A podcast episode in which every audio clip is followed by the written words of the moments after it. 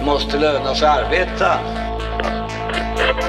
Det är väl den typ av inblandning vi kan ta ansvar för. I övrigt är det ju arbetsmarknadsparter som sätter löner i Sverige.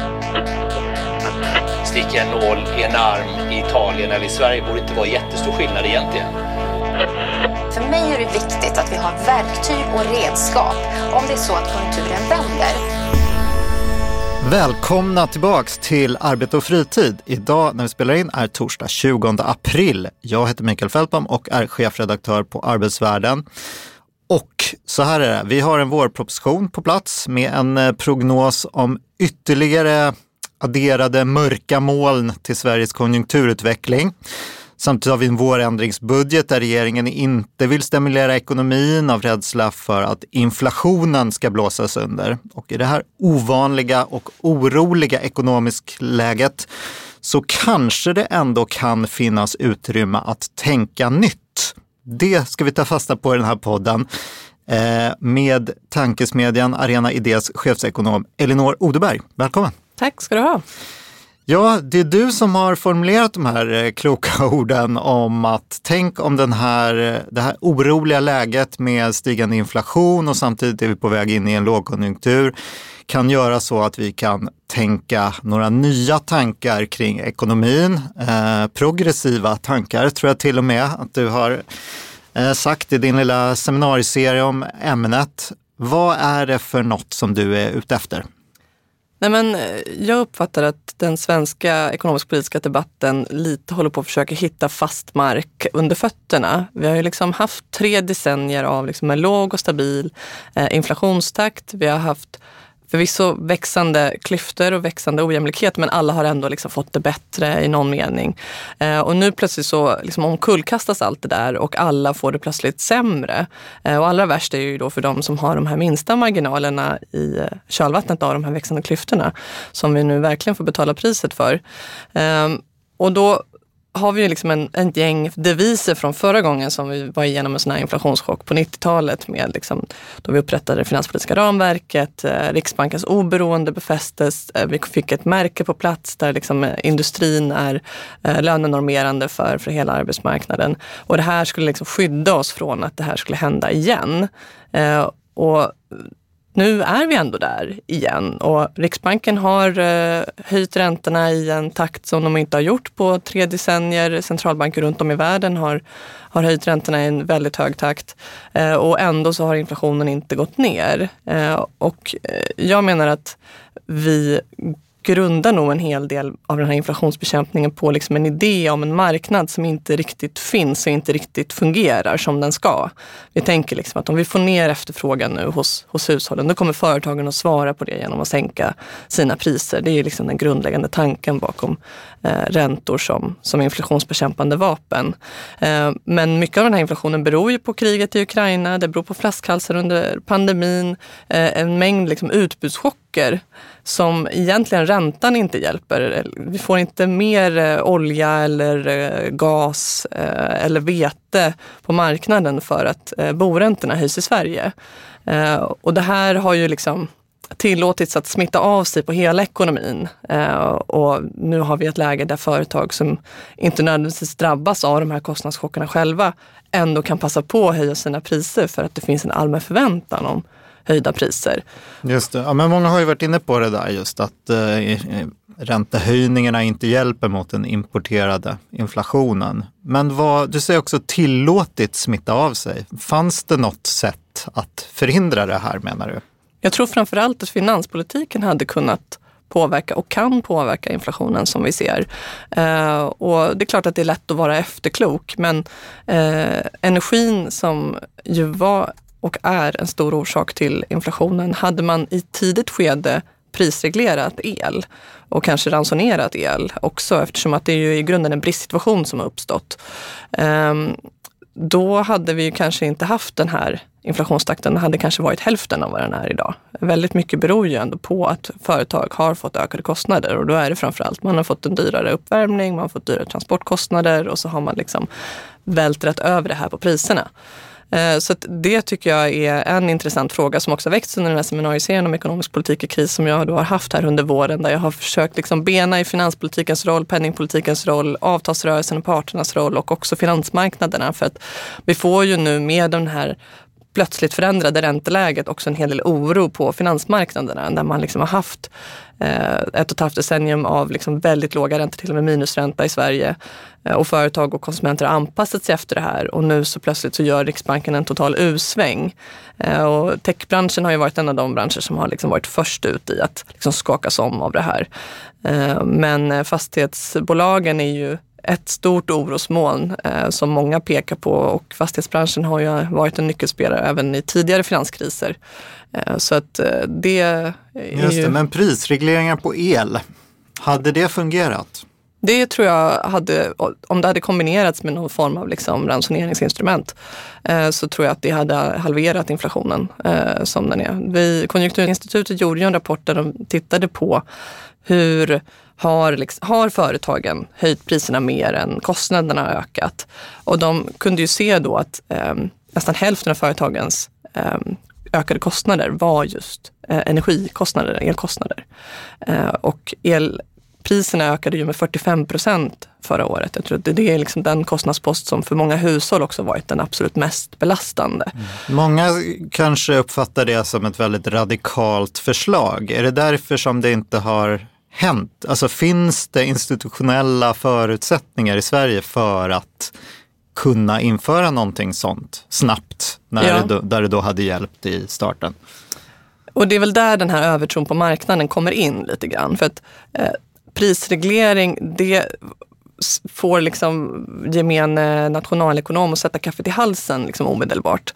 Eh, man associerar med 70-talet, man associerar med liksom Sovjet. Om jag fick liksom en, en 10 kronor för varje gång liksom en näringslivsfinansierad opinionsbildare började gasta om brödköer i Sovjet, så fort man pratade om pristak så skulle jag liksom vara rik vid det här laget. Ehm, så jag tror att det var liksom en ovana att eh, det instrumentet har man liksom inte behövt använda på väldigt lång tid. Eh, det var ju liksom ett svar på en utbudschock när man eh, tog till med pristak på 70-talet till exempel. Eh, det var ett sätt att försöka hantera det. Eller under andra världskrigets USA när man också hade stora bristsituationer. Då hade man ju prisregleringar och ransoneringar som instrument. Så att vi har ju inte upplevt den typen av instabiliteter som kan göra en prisreglering aktuell på väldigt lång tid. Och väldigt många av de som är fostrade i liksom hur man ska tänka kring ekonomin eh, har fostrats i att det är marknaden som ska lösa det här. Eh, och nu har vi ju väldigt många politiker, till och med Ursula von der Leyen som ju inte är liksom någon eh, vänsterpartist direkt, som ju också sett att ja, men den här marginalprissättningsmodellen på el, den fungerar ju inte. Eh, vi måste liksom göra någonting åt det här. Och, eh, I Frankrike till exempel så har man ju staten stått för en mycket större del av elkostnaden så man har inte liksom fått samma smittoeffekt på inflationen där. Um, Vad gör vi nu då, idag, när vi har missat den här chansen? Men eh, för det första så finns det fortfarande osäkerheter kring energitillgången. Eh, inför nästa vinter, inte minst, så tror jag att den frågan kan bli aktuell. Och det har ju också eh, lyfts en del intressanta förslag på hur man kan skapa mer stabila elpriser. Socialdemokraterna har ju lyft det här förslaget om folkhemsel. Ehm, Vänsterpartiet har varit inne på den här bäckenmodellen och så vidare. Så det rör sig ju ändå i den här diskussionen om, om elpriserna. Och ur ett inflationsperspektiv så är det klart att elstöd i all ära, men kan vi liksom eh, förhindra att höga elpriser smittar av sig på resten av ekonomin så är ju det bättre för att få ner inflationen. Så det, jag tror inte frågan liksom är död bara för att det börjar bli varmare ute nu. Eh, sen så har vi ju liksom en mängd andra problem, inte minst livsmedelspriserna som ju har bidragit väldigt starkt till inflationen i Sverige. Eh, och där har vi ju en oligopolsituation. Vi har ett fåtal aktörer som dominerar och som har förutsättningar då att vältra över eh, sina kostnader på priset och kanske till och med ta i lite mer. Och eh, lönsamheten i dagligvaruhandeln har ju varit väldigt hög under förra året. Och här behöver ju då politiken också svara upp och vi har ju haft redan en effekt av den här debatten som har varit kring matpriserna. Att nu har flera av de stora matjättarna sagt att de ska sänka sina priser. Eh, så återstår det väl att se hur det där faller ut. Konjunkturinstitutet och Konkurrensverket har ju fått i uppdrag att följa det här nu. Eh, så vi får väl se då om, om eh, marknaden kan leverera. Men det är ju ett område som det fortfarande går att göra mycket politik på tror jag.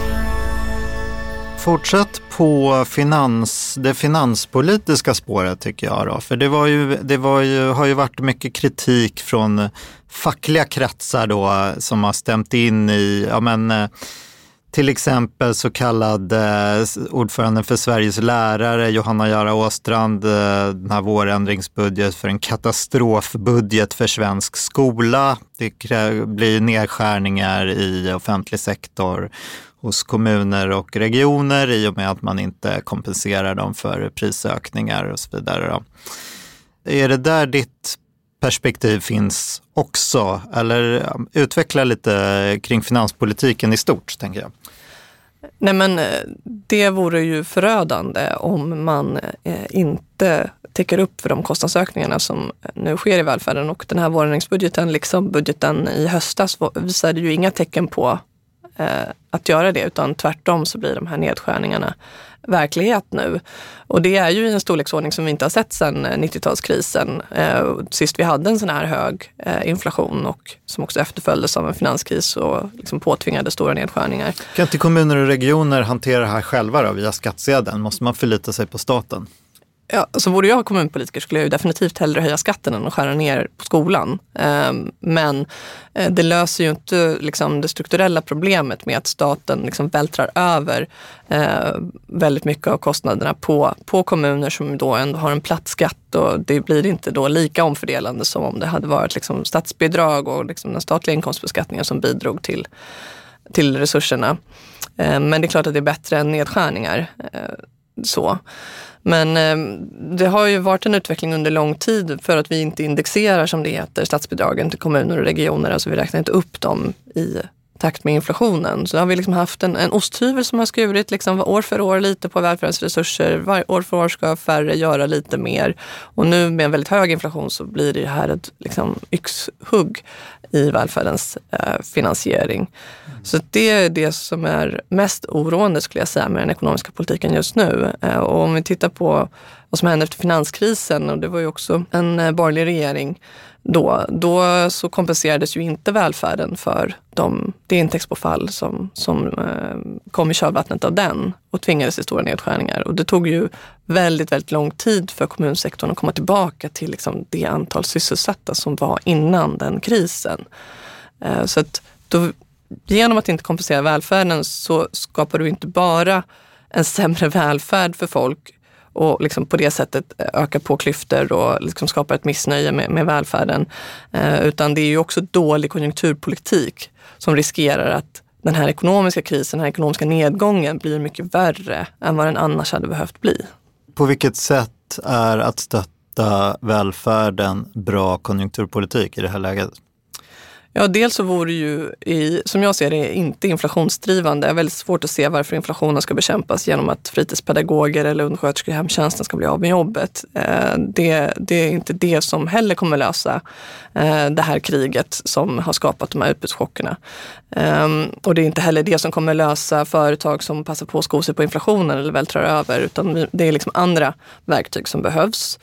Eh, det andra handlar ju då om att eh, om folk blir arbetslösa i, i välfärden så är det klart att då bidrar ju det till en ekonomisk nedgång. Eh, och välfärden är ju samtidigt också, det, jag menar, det är utbildning, det är sjukvård, det är precis det som vi kanske skulle behöva satsa på extra snarare när liksom arbetslösheten förväntas gå upp och ekonomin förväntas gå ner. Att man ser till att alla de som saknar rätt utbildning för att kunna ta de jobb som finns får utbildning. Det skulle ju liksom motivera mer satsningar på välfärd. Det här är ju liksom äh, vänstersidans äh, argument. Äh, men regeringen verkar inte jag vet inte om det är vänstersidans argument. Jag tror att det är ganska, jag menar den ekonomisk-politiska debatten som jag ser den är inte alls så liksom, mm. konflikt eh, fylld som den skulle behöva vara kring välfärdens det är finansiering. Sant. Men man kan säga att regeringen har ju inte köpt den här argumentationen. Eh, utan när du säger så här, ja, vi ska det finns en möjlighet att tänka nytt, tänka progressivt i den här krisen. Ser du några tecken på att eh, fler än de gamla vanliga tänker så här. är det här du menar med att tänka progressivt eller finns det, ja, finns, finns det liksom en öppning för den här typen av jag tror att, jag menar att, att in, just att indexera statsbidrag, det är ju inte något särskilt radikalt förslag. Det har ju lagts fram av väldigt många till höger och vänster ska det sägas i den ekonomiska politiska debatten. Men det förslaget blir väldigt, väldigt mycket mer aktuellt med en hög inflation för då blir ju den här osthyveln en yxa istället. Det blir en väldigt tydlig nedskärning och det blir också väldigt tydligt för folk att eh, det här påverkar Eh, deras vård och deras omsorg och deras skola. Eh, så det skulle jag säga är liksom the safe corner eh, om vi pratar liksom inflationsbekämpning eller hur den ekonomiska politiken ska hantera den höga inflationen.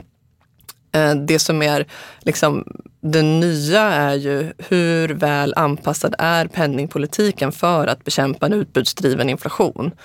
Det är ju mer, där skulle jag inte säga att liksom, det finns något gamla vanliga eh, som, som riktigt fungerar. Utbudsdriven, förklara det då. Eh, och det handlar ju då om, som jag beskrev, alltså kriget i Ukraina som eh, drog undan eh, väldigt mycket av Europas energiförsörjning eh, och också liksom spannmål som, som Ukraina var en stor eh, spannmålsexportör. Det blir för, mindre utbud. Mindre utbud och samtidigt så vill vi ha lika mycket det. uppvärmt och liksom lika mycket varor och tjänster och så vidare som, som behöver el eh, som insatsvara. Så det är liksom den primära utbudschocken är ju liksom kriget i Ukraina. Sen finns det vissa smittoeffekter av liksom att eh, den amerikanska ekonomin har liksom haft en väldigt stark efterfrågan. Där är kanske liksom debatten om huruvida inflationen drivs av utbud eller efterfrågan liksom lite mer komplex än i Sverige. Men för Sveriges del så är det väldigt uppenbart att det här är liksom en importerad inflation. Just det, men du var inne på eh, penningpolitiken Mm. och eh, eventuella om, omvärderingar där. Fortsätt på det, förlåt. Jag avbröt dig med det här med att du skulle förklara utbudsdriven. Eh, nej men, eh, jag ser det som att nu har vi liksom en, eh, en riksbank som kör eh, och en finansminister som sitter i baksätet. Och det är liksom inte hållbart. Vi måste ha en ekonomisk politik eh, som är liksom samlad och drar åt samma håll. Eh, och då menar jag att den här uppdelningen mellan penning och finanspolitik inte fungerar. Den fungerade inte under den period då vi kämpade med att få upp inflationen och den fungerar inte nu när vi kämpar med att få ner inflationen. Eh, utan tvärtom så har eh, alldeles för mycket som borde ligga på finanspolitiken skjutits över till Riksbanken. För det som var problemet när inflationen var låg, det var ju att efterfrågan var för svag. Det var liksom det man försökte då komma åt via till och med då minusränta och stora liksom kvantitativa lättnader. Man liksom gödslat pengar över världsekonomin. Vad fick vi från det? Ja, men vi fick i princip inte upp efterfrågan särskilt mycket. Det var köpfest för stora delar av medelklassen som eh, liksom renoverade och, och köpte bostadsrätter och så vidare. Samtidigt också belånade sig väldigt kraftigt. Eh, och vi fick en väldigt stor liksom, kapitalackumulation för de allra mest förmögna. Så vi fick liksom väldigt stora ekonomiska klyftor i kölvattnet av den här expansiva penningpolitiken som nu då ska svänga helt om. Och de hushåll som då inte har liksom jättestora marginaler plö- ser plötsligt sig själva hamna i en väldigt riskabel situation. Vad var det vi borde ha köpt då? Det vi borde ha gjort var ju såklart att försöka få upp efterfrågan via finanspolitiken snarare än penningpolitiken. Eh, höja a-kassan, höja sjukförsäkringen. Vad eh, var det folk satsa borde på- ha köpt? Om efterfrågan ska gå upp, då Ja. är det ju efterfrågan på någonting. Och du har ju, du Alltså har ju efterfrågan- tagit bort, vi borde inte efterfråga mer liksom, tillgångar, redan existerande tillgångar som fastigheter till exempel. För det driver bara upp priset utan att liksom, ge någonting. Men vad är det som vi borde köpa mer av? Vad är det vi borde Det är ju- efterfråga mer? Det är, nej, men det är inte det som är grejen. Grejen är ju inkomsterna och köpkraften. Sen så vad folk vill handla för det, det är ju liksom en nästa fråga. Utan det jag menar är att finanspolitiken borde ha agerat mer för att få upp framförallt de lägsta inkomsterna och framförallt för att bekämpa arbetslösheten som sen början av 90-talet har normaliserats på en väldigt hög nivå.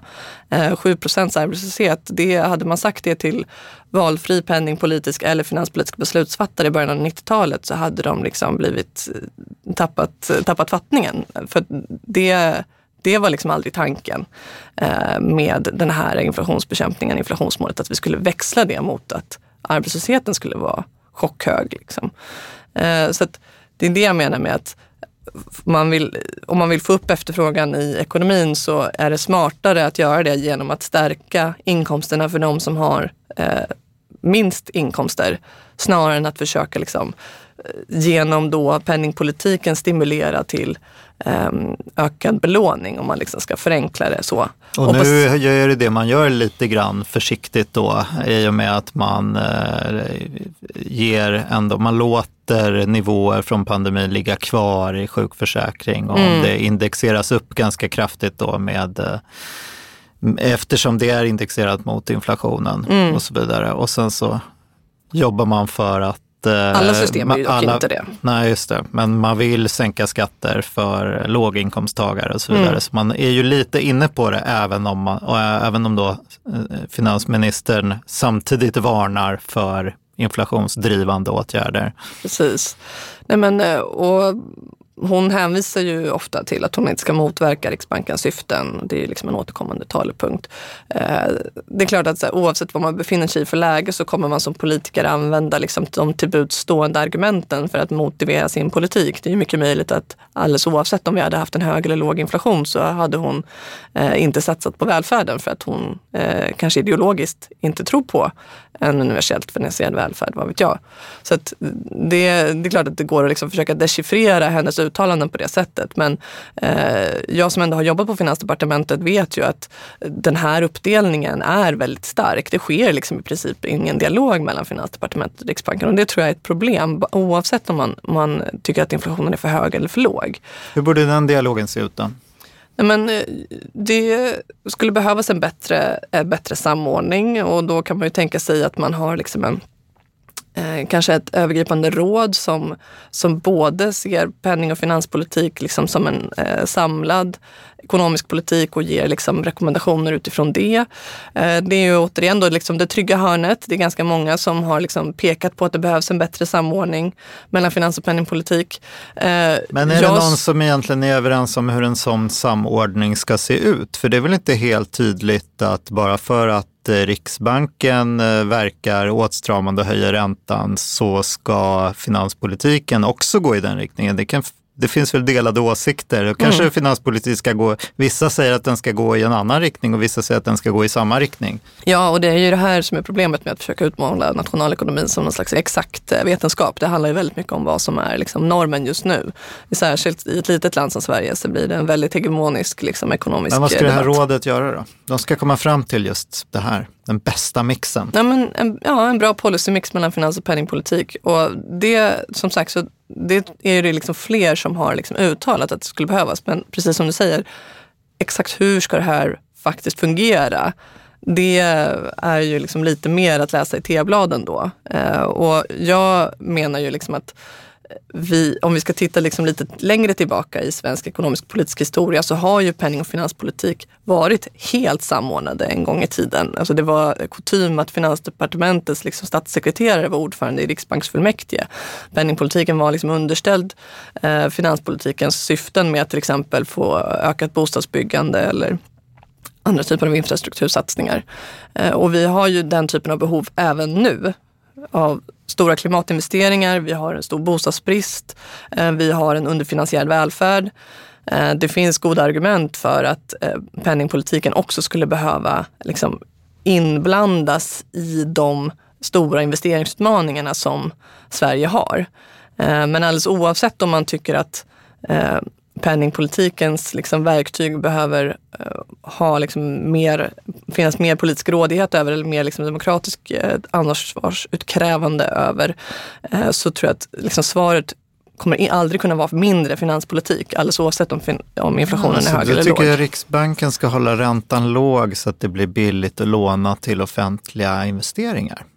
Till bostadsbyggande och klimatinvesteringar. Det tror jag mm. absolut skulle kunna vara en, eh, en modell. Eh, och jag har själv liksom inte helt eh, landat i vad som vore liksom all, den bästa eller den ultimata samordningen. Men jag ser att det finns ett problem med ett demokratiskt underskott vad gäller penningpolitiken. och det är det inte så många som vågar säga i den Har vi råd med det? Det låter debatten. ju som väldigt inflationsdrivande då, särskilt som vi är en liten skvalpvaluta liksom, på mm. världsmarknaden. Nej, men precis, och det är ju där det blir liksom komplext. Så här, hur, eftersom att inflationen handlar så mycket om, och också värdet på kronan handlar så mycket om förväntningar och om förtroende, så blir det liksom eh, alldeles oavsett om man ser alla de här eh, trubbigheterna med räntan som verktyg och så, så är det liksom det verktyg som Riksbanken har och om inflationen går upp och de liksom låter bli att höja räntan för att det finns en massa realekonomiska förutsättningar som talar för att de inte borde göra det, som hushållens höga skuldsättning. Då kommer det kanske av marknaden tolkas som att de har släppt sitt inflationsmål. Så det blir liksom en... Eh, eh Daniela Gaber är en av de eh, professor i nationalekonomi som har pekat på att liksom, centralbanken har i den här utbudsdrivna inflationen hamnat i ett läge där liksom varje drag är ett dåligt drag. Det är både dåligt att vara passiv, det är också dåligt att vara aktiv. Liksom. Eh, och det är här med att man behöver liksom, finanspolitikens hjälp för att också liksom lösa upp de här utbudsproblemen. Mm. Eh, lösa upp våra sårbarheter vad gäller eh, energin till exempel. Eh, ha en starkare konkurrenslagstiftning, starkare verktyg där det är där problemet ligger, alltså att det är för lite marknad. Eh, med energin så kanske problemet är att vi har haft för mycket marknad eller marknad funkar inte med en sån kapitalintensiv vara. Så att eh, det är den här typen av liksom nya tankar som jag tror behöver liksom komma till. Eh, vi kan inte bara tänka att nej, men nu är det finanspolitikens roll bara att liksom sitta i baksätet medan liksom Riksbanken kör. Det, det kommer inte fungera. Kan inte du spå i kaffesumpen lite mer, eller tebladen lite mer då, och berätta för oss om eh, räntan. Är den på väg ner igen eller inte? Vad kommer vi leva i för, eh, på, med för räntenivå om fem år? Och vad vore bra? Säg något normativt också då. Var ska räntan ligga? Nej, men jag tror att en ränta som i alla fall är eh, positiv eh, är liksom att, att gå tillbaka till minusräntor, att liksom, som sagt att det ska vara sättet att liksom få upp efterfrågan i ekonomin, det tror jag inte är bra för det liksom främjar ett väldigt risktagande beteende. Och när man då behöver lägga om räntepolitiken så skapar det väldigt mycket instabiliteter och det är ju det vi liksom, man sitter och väntar på nu. Vad kommer det liksom panga härnäst efter Silicon Valley Bank och de andra regionala bankerna i USAs eh, konkurser till exempel. Eh, jag tror att man ska vara väldigt ödmjuk för att både eh, inflationen är svår att säga om och eh, att räntepolitiken därmed också är svår att säga om. Eh, det kommer ju kunna komma nya prischocker. Eh, dels eh, så vet vi inte hur det utvecklar sig med kriget i Ukraina. Dels finns det risk för andra geopolitiska konflikter. Vi har liksom en upptrappande geopolitisk spänning i vår omvärld. Eh, Kina, USA, Kina, Taiwan. Vi har klimatförändringar som också kan orsaka prischocker, missväxt, extremväder.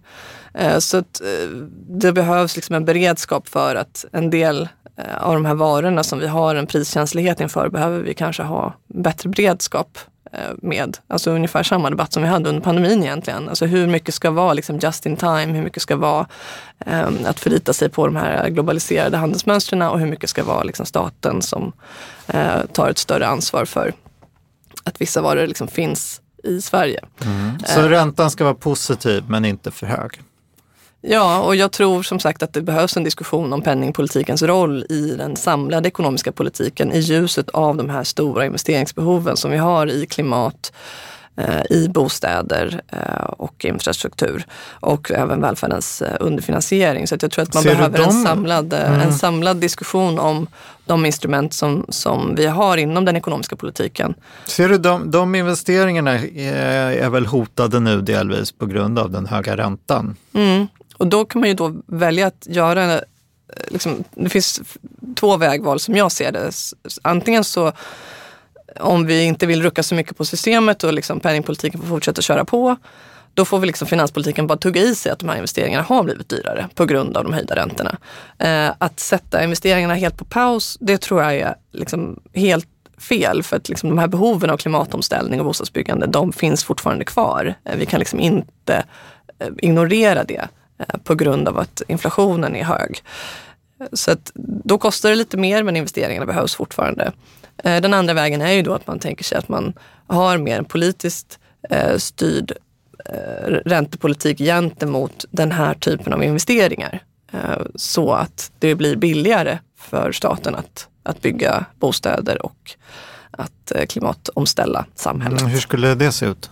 Jag kan inte helt på rak svara på det. Jag tror att man skulle behöva liksom utreda liksom närmare hur man skulle göra det. Jag tror att det finns en risk att eh, om man låter Riksbanken vara som den är nu, det vill säga inte, det finns inte liksom en direkt demokratisk liksom, eh, insyn i deras processer eller i liksom, deras beslut, utan eh, det, de, är, de är oberoende tjänstemän. De förvisso liksom tillsätts av eh, regeringen, men de är oberoende i sina beslut.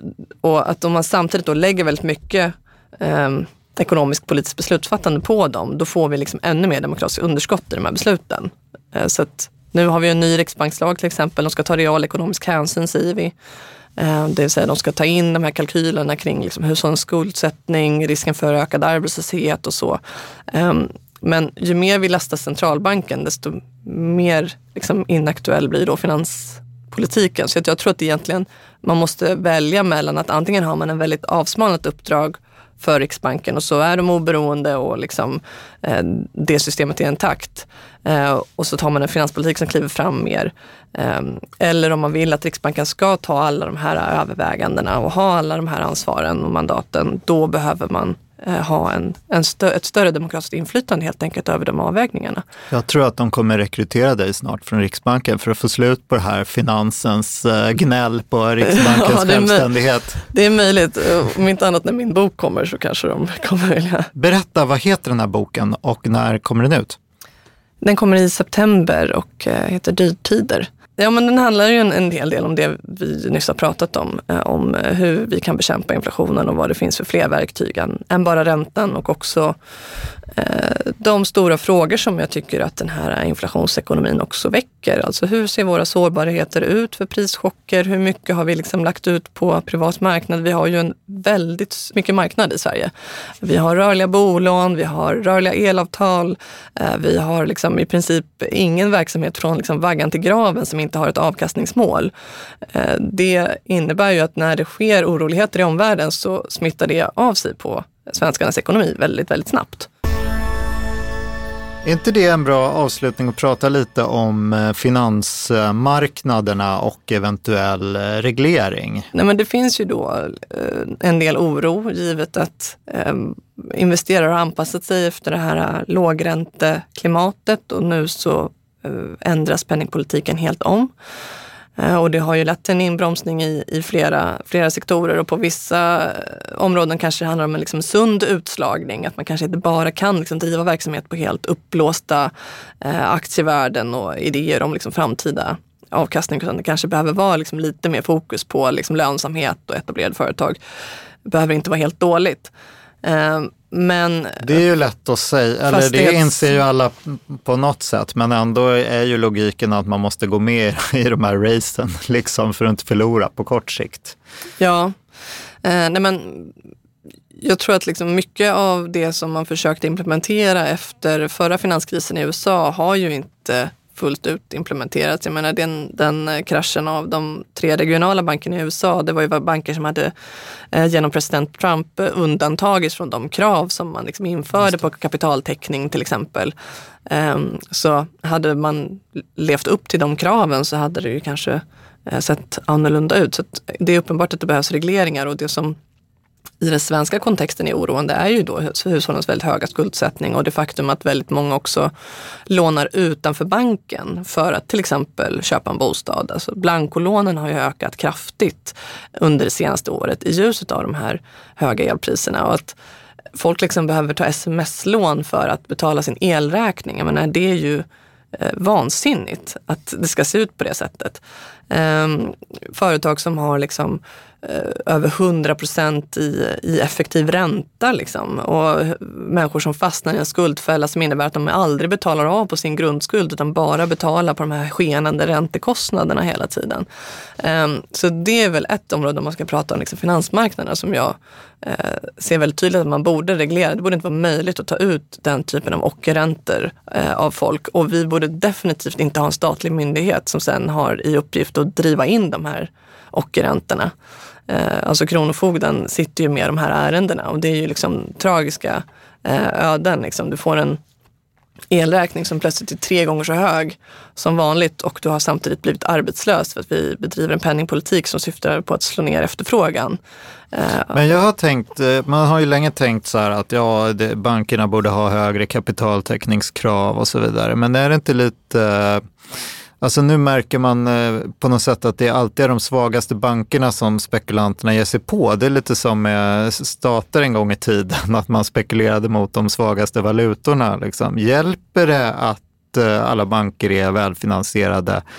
Om det, för om det börjar skaka i en bank, då är det lätt att det sprider sig liksom, till andra. Mm. Och det är liksom ett damned if you don't, damned if you do scenario. Om man inte liksom bailar ut så smittar det av sig och när man bailar ut så säger man samtidigt att det är okej okay att ta de här riskerna för att eh, ni kommer inte behöva ta smällen ändå.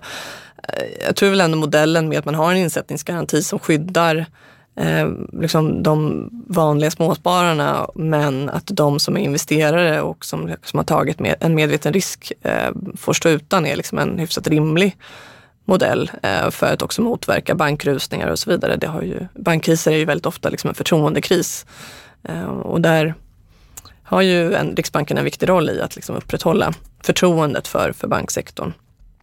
Och bankerna själva förstås. Men jag är inte så orolig för svenska banker. Det går extremt bra för svenska banker. Eh, de har ju också tack vare sin oligopol liksom struktur kunna kräma ut ett rejält räntenetto av eh, svenska bolånetagare. Men de pengarna stannar ju inte i bankerna. Nej. Det, det blir utdelat som vinst.